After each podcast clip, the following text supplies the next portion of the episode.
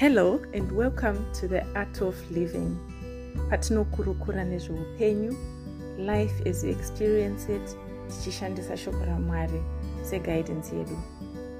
Here we discuss all sorts of things, how we can experience God as a loving father, how we should walk in forgiveness, nokukurudzirana to live a purpose-driven life. Kazhinji chauri kutsvaga hachisi kure newe, chakavigwa mukati. Be warned, because in our chats we can be very open about our own personal lives. Eh, asi zvikakurudzira even one person. Aiwa mwari ngavakudzwe Thank you for joining us in this episode where we discuss chapter 9 of the book Hind's Feet on High Places by Hannah Hennard, titled The Great Precipice Injury. chii chinoitika o chatinoita tikaona tatarisana nenzira inoita sekuti ndipo paperera sarungano you know it's really really hard when you face those challenges let's find out kuti takadzidzei when we discuss this chapter.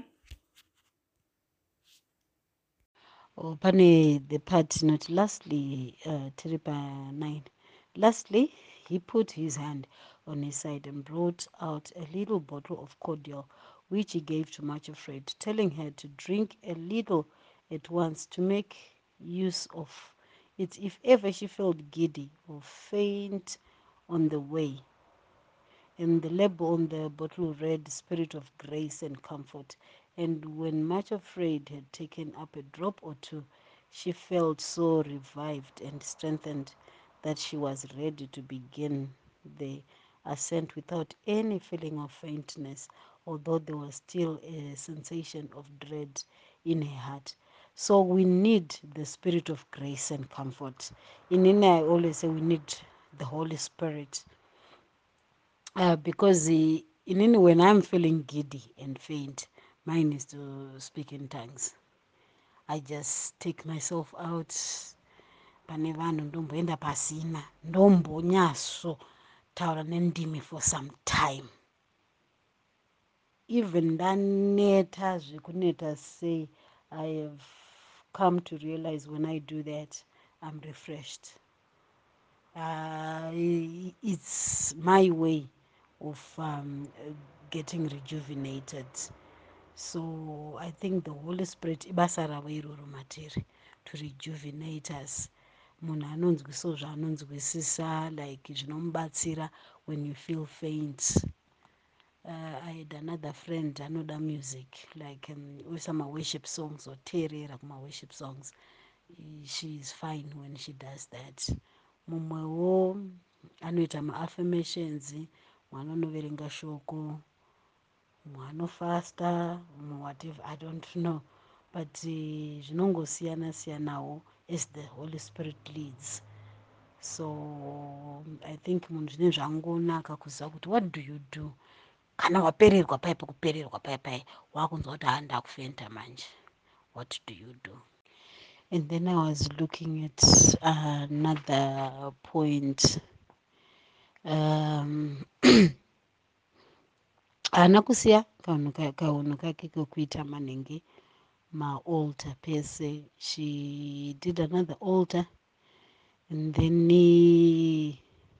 achi like she showing her commitment uh, to the thing to, to, to, to, to, to, to the shepherd and kuti aiwa handisi kusiya zviri kuoma hazvo but ichi handisi kusiya saka i think those commitments we need to do them over and over again just committing ourselves you know because hanzi um, neshoko kuna romans uh, 12 verse 1 offer your bodies as a living sacrifice holy and acceptable to him for that is our service of worship i think we need to be offering time and time again because body yacho amene tinoita sei haiti kaofuwa kamwe chete ka haa zvachata aa you need to daily offer your body as a living sacrifice.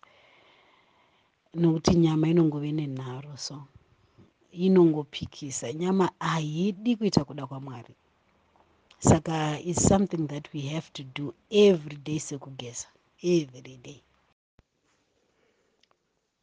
Um the part yemaalters yandakabhotaura last time ndichiti ah, maalters ari kungoshedzerwa machechi mazhinji ndekungonzi sai mari sai mari paalter but here in this case now like maybe you makambotsanangura what an alter is.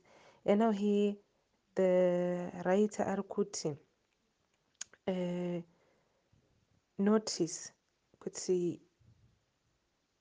um, okay the part is saying much afraid akaisa a pile of akaisa an altar and it of mawooden sticks this time paka paakapedza kutaura neflower ichimudza nezveacceptance of joy.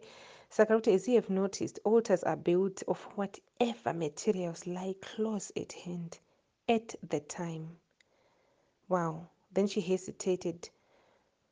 What should she lay on the altar this time she looked at the tiny swelling of the plant of love which might be mm-hmm. a bud and again might not. Then she leaned forward placed her heart on the altar and said behold me here i am.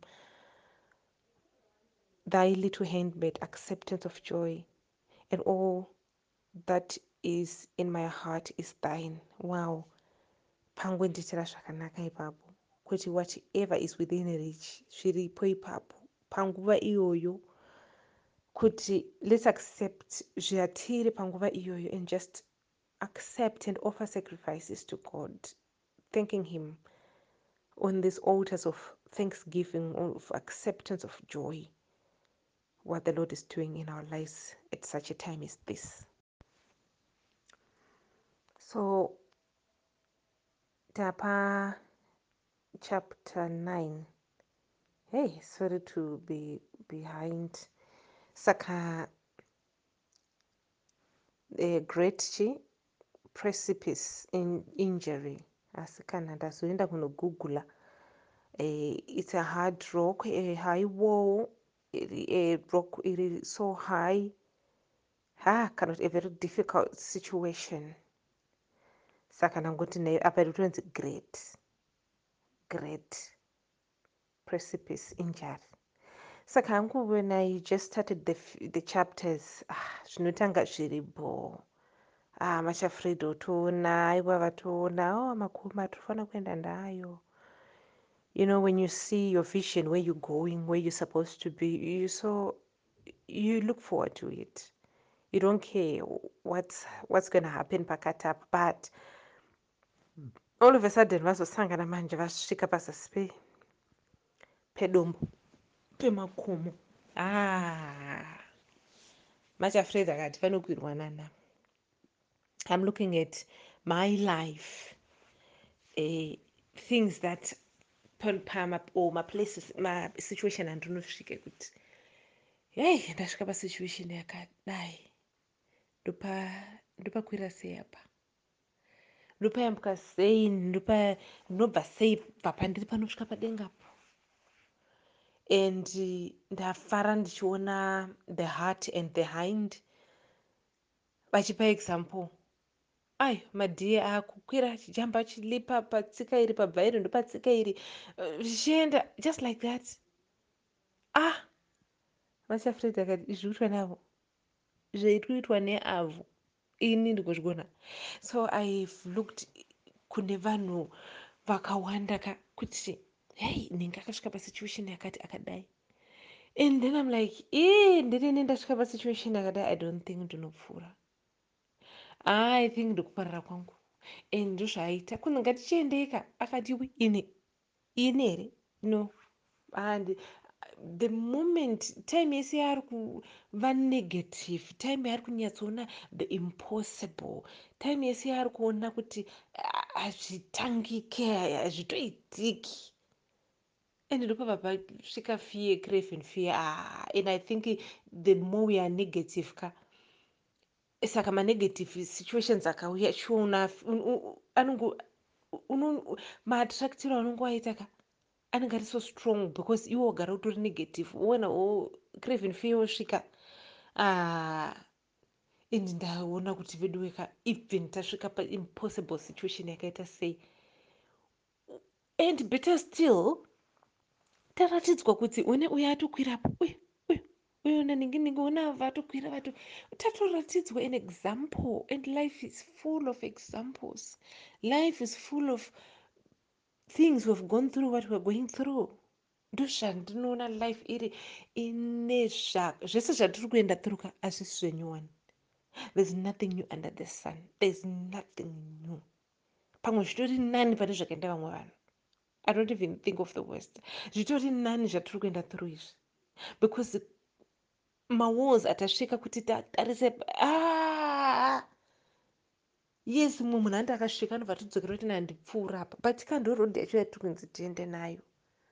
Yei! Hii mwari ngatibatsire. Now let's find out what craven fear did and say and o oh, mwari ngatibatsire. Masituation aya taasvika paari zvawo and otoratidzwa shuwa an example of people who have gone through and vari kutoenda through wakatarisa but unzi iwe uchiita wati aiwa ndigone aish mwari help me. Ah, help me mwari. And like i said julie hapana chichativira chiri wese than zvakawirira vamwe vanhu hapana chinyowani chichaitika.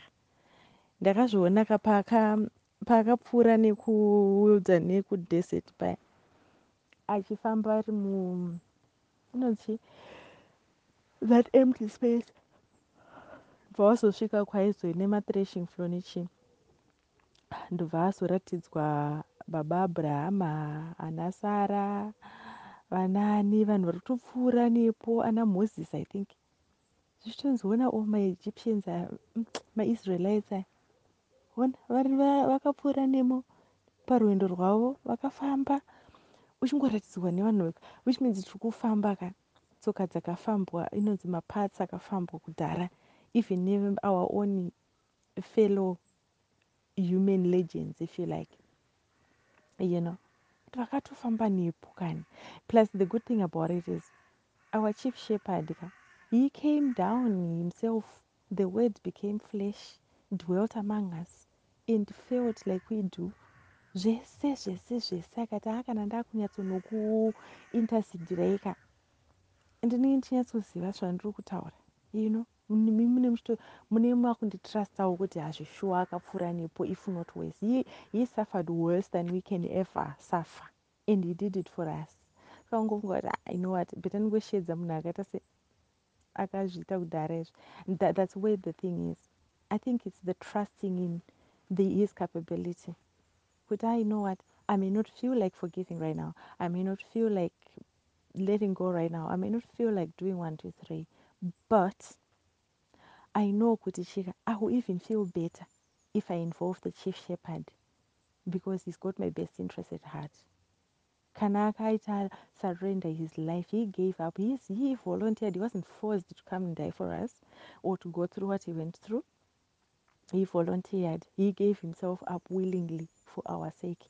uzofunga kuti naye asikana saka ndo ndoda kuzvidza gamba rakaita sei kuti toda kuenjoya zvinhu zvatasingakwanisi instead of just calling the one who is actually able so it's really i think when we actually call the sooner we learn to to quickly call upon the shepherd the chief shepherd handiti hatisi kuti auye zotitakura because hatizodevelopa mindset but calling on him to actually strengthen us or to help us to pass through nemakumbo edu zvatinofanirwa kukwirana nazvo nekuburuka nazvo nekuita seika zvinoshowa kuti we are actually um, tiri tiri grateful tiri mo zvinoita like um, zvinodemonstrate handiti kuti our understanding of the finished work of calvary.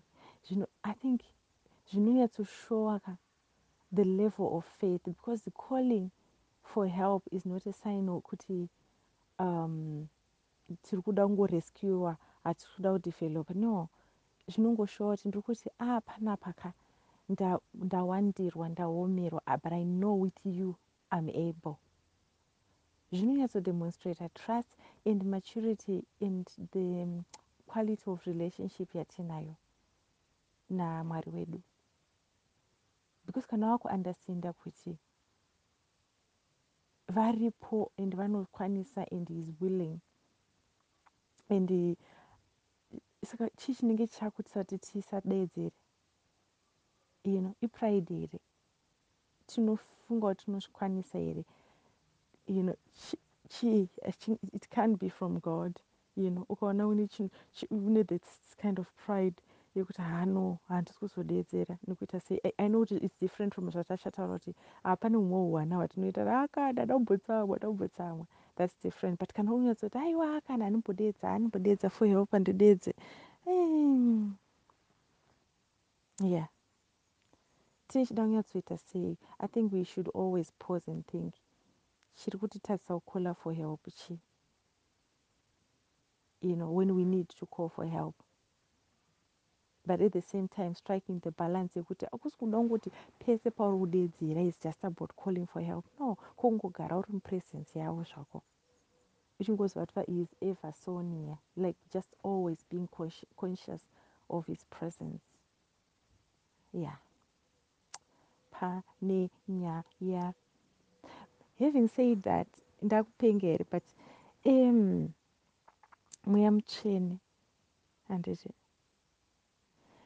aino kuti apa tiri kungotaura nyaya yekuti the chief shepherd anoita kumboita nga aenda but ari ever so, so near. And then we've got definitely sorrow and suffering so are we saying kuti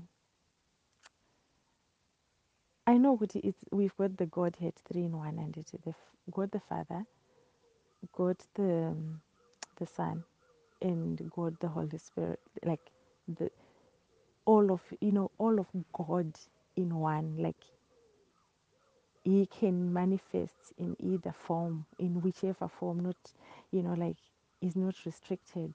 Whatever he, he is that who he is and it so upper when we are calling on the chief shepherd we are talking as well of the holy spirit because the holy spirit manje panyaya the way uyu paanonyora and the way yaakanyora inoita sekuti we are just referring to to the to that aspect of god which is jesus and it like our lord and savior. But ukatarisa izvinezvi even better.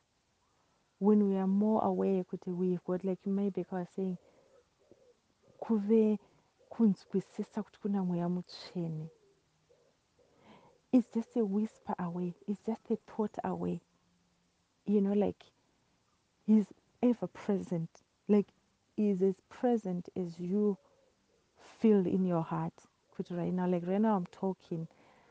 I know kuti he's right here. Like i can just talk casually. And in my heart of hearts conversing with him. Ndoziva kuti anowhisper back or anotaura anoita something back. And it, so it's not necessarily kuti our god you know is like okay the chief shepherd anotomboenda although yes akapromisa kuti anytime yaunokola andinodzoka.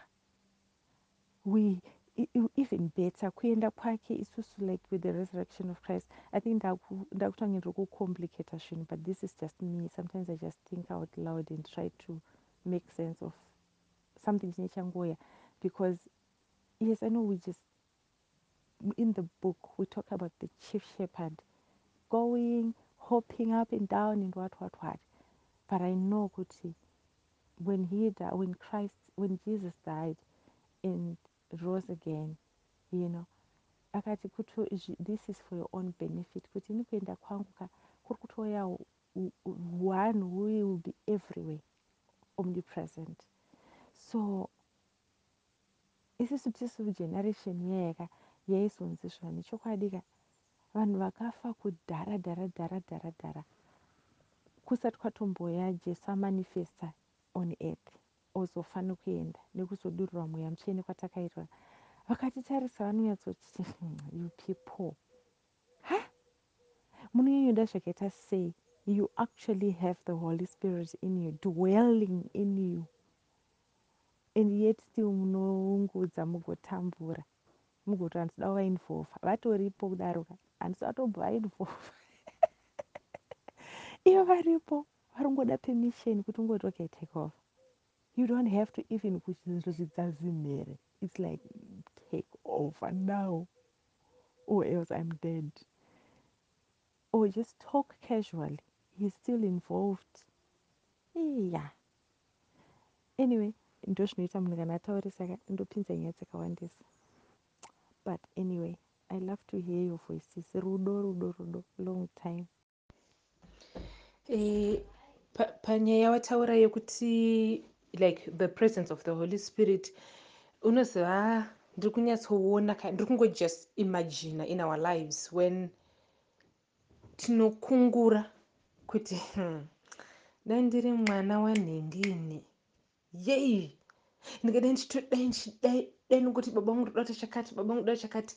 Like natural dads who've got money we wish kuti hei dai ndandiri mwana waminista nhengi kana kuti mwana wanhengi ane mari uya aiwa ndingadai ndichitoita project abcd ndichienda nyika dzakati dzakati dzakati. Izvozvo ka now zvatoita dawn on me right now when you're speaking mike kuti kune vaishuwawo even kuvana mweya mutsvene kuti hmm, if we had the spirit of god in us taita abcd bcause kare kamweya mutsvene anga asiri mumunhu wese ava maindividual people. Now ari kunzi available to everyone to anyone ndofunga generation yedu tingadai tine mabasa makuru nokuti inyaya yeknowledge the knowledge of god. Like individually as this journey is an individual journey haisi kutaurwa maspouse edu apa haisi kutaurwa vana vedu apa haisi kutaurwa maparents edu or masiblings. Is an individual i think it's an assignment especially to me kuti ah i have uh, the holy spirit at my disposition like that i have the holy spirit just like that to just call to just guide me. Nokuti dhanieri anobva achi avo vanoziva mwari wavo. Vachaita mabasa makuru emweya. So in this journey to the high places mujeni yatinayo in life in anything in everything i think avo vanoziva mwari wavo vanoita zvinhu zvakasiyana nyange tese tiri vana vamwari but ava vanomuziva mwari wacho vane ka like distance handi pane chapter tikaverenga about distance kupurpose yekuti mwari ka is as far as you want him to be or as close as you want him to be. It's just you it's your choice. Saka at the end of the day it will come back now to this still individual lifestyle kuti iwe namwari wakamira papi iwe namweya mutsveni makamira papi saka i think as we do mabooks aya ari kutigogodza kugotsi kuti nkonkongo iwe wake up. You have me at hand. You have me anytime. Just press the button. Just whisper. But sometimes much afraid is not even shouting. Even with a weak voice. Boom. Chief shepherd vasvika ah, just like that. Wow. So then the point you mentioned about sorrow na suffering being there yeah isusu tiri pano panyama pasi those two companions will always be there. Because you don't get them mentioned even mumaheavenly places. Kunzi ah eh, kuchange kuine kutambura ikoko kudenga kuchange no, you, the, the macompanions ekutibatsira just to go away. Saka their presence ka uh, iyo yagara itongoripo whether zvakakunakira just like jesu anga akazara nemweya mutsvene but sorrow and suffering was still there. And akavashandisa those companions to even get to the cross saka listen I, i'm not really sure. I can't say much about sorrow and suffering kuti presence yavo kunyanyanyanya pese pese tinavo here as much as the holy spirit is. But i think um, chakanyanyanyanya chavanotiita especially in calling to god because vanoti kuti iwe daya dzamwari much afraid akati aiwa handisi kuzovadedza this time. So tangodzoka tisi mamain actor. Panyaya iyi ish much afraid. Ah bhuku iri ka mwari ngatibatsire. Ah kutodeclare kuti hashedzi. Ndanga ndiripo palast week apa. Ipapo kutaura ipapo. Ndikatoudzwa kunzi dedza shepard ndikati ndinozviziva kuti anoti build an alter handisi kumushedza but because uh, indakaudza kuti kana zvichiitika zvinotoitika practical is lesson plus test lesson plus test. So ah ndakapasvika soka ndikati a kana ndimbomusvedza ndomuziva zvaanondiita. Saka ndikutoriseka zvako uchiti hayaya ndikati hada wazivei mudikani kuti haazi much afraid chete nesuwo vamwe vamune muchitotarisa muchitoti ha vanenge vari nani a kutoramba chaiko? Kutoramba ndakati andimbovadedze but I, i just thank god i was encouraged to call upon the lord and i did and zvikazofamba zvakanaka. But ha tikazosangana nevanenge vachiramba kudeedza hama dzangu zvinoitika. Tisatombovapopotera zvinoitika because unenge waneta. Wanyatsonzwa kuti handaibva and then kuti shuwa shuwa ndoziva kuti hapana pavachanditichi aiwaita so you have to call him and when you call him you make an altar. Ende paaltar pachona ipapo. Hapana chimwe chinhu chauri kuisa haizi mari haizi uri kuisa iwewe ndiwe chibayiro. You sacrificing yourself.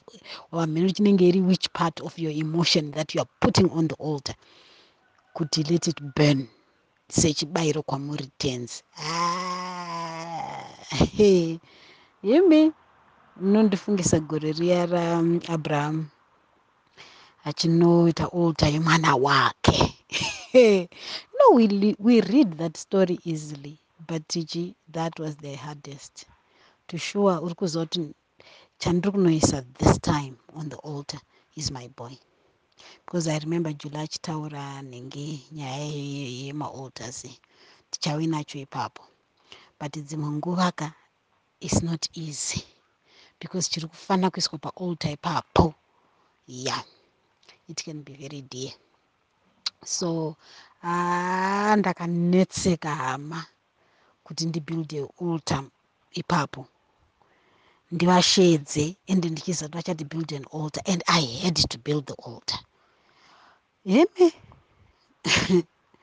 Ha unochema ukaungudza ukaita sei sei but hey zvine zvitofanira kuti zviitwe.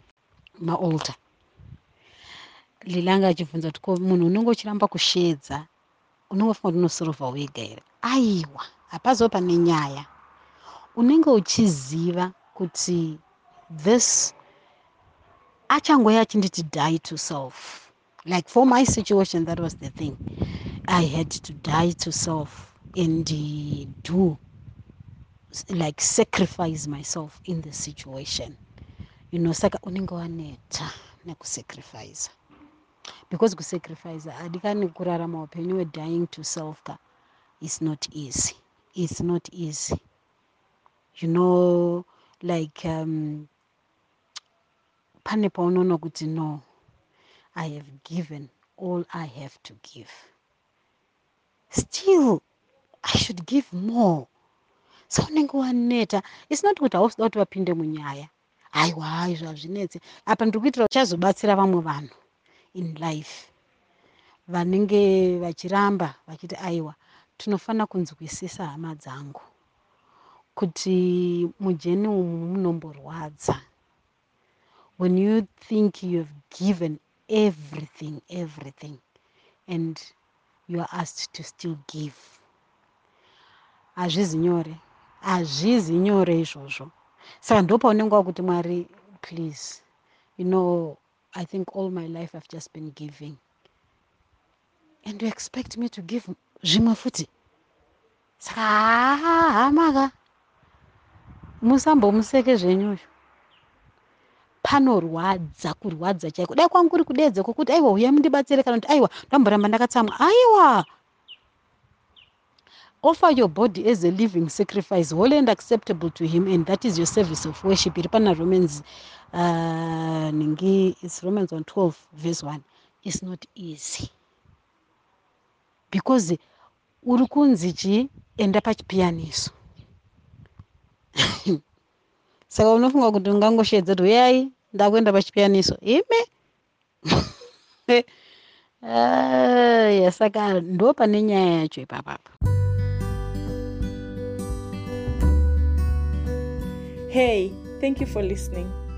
We invite you now to follow this discussion in the next episode As always, if you have anything you want to ask or say, please send us an email on the art of living zim at gmail.com theartoflivingzim at gmail.com. Thank you.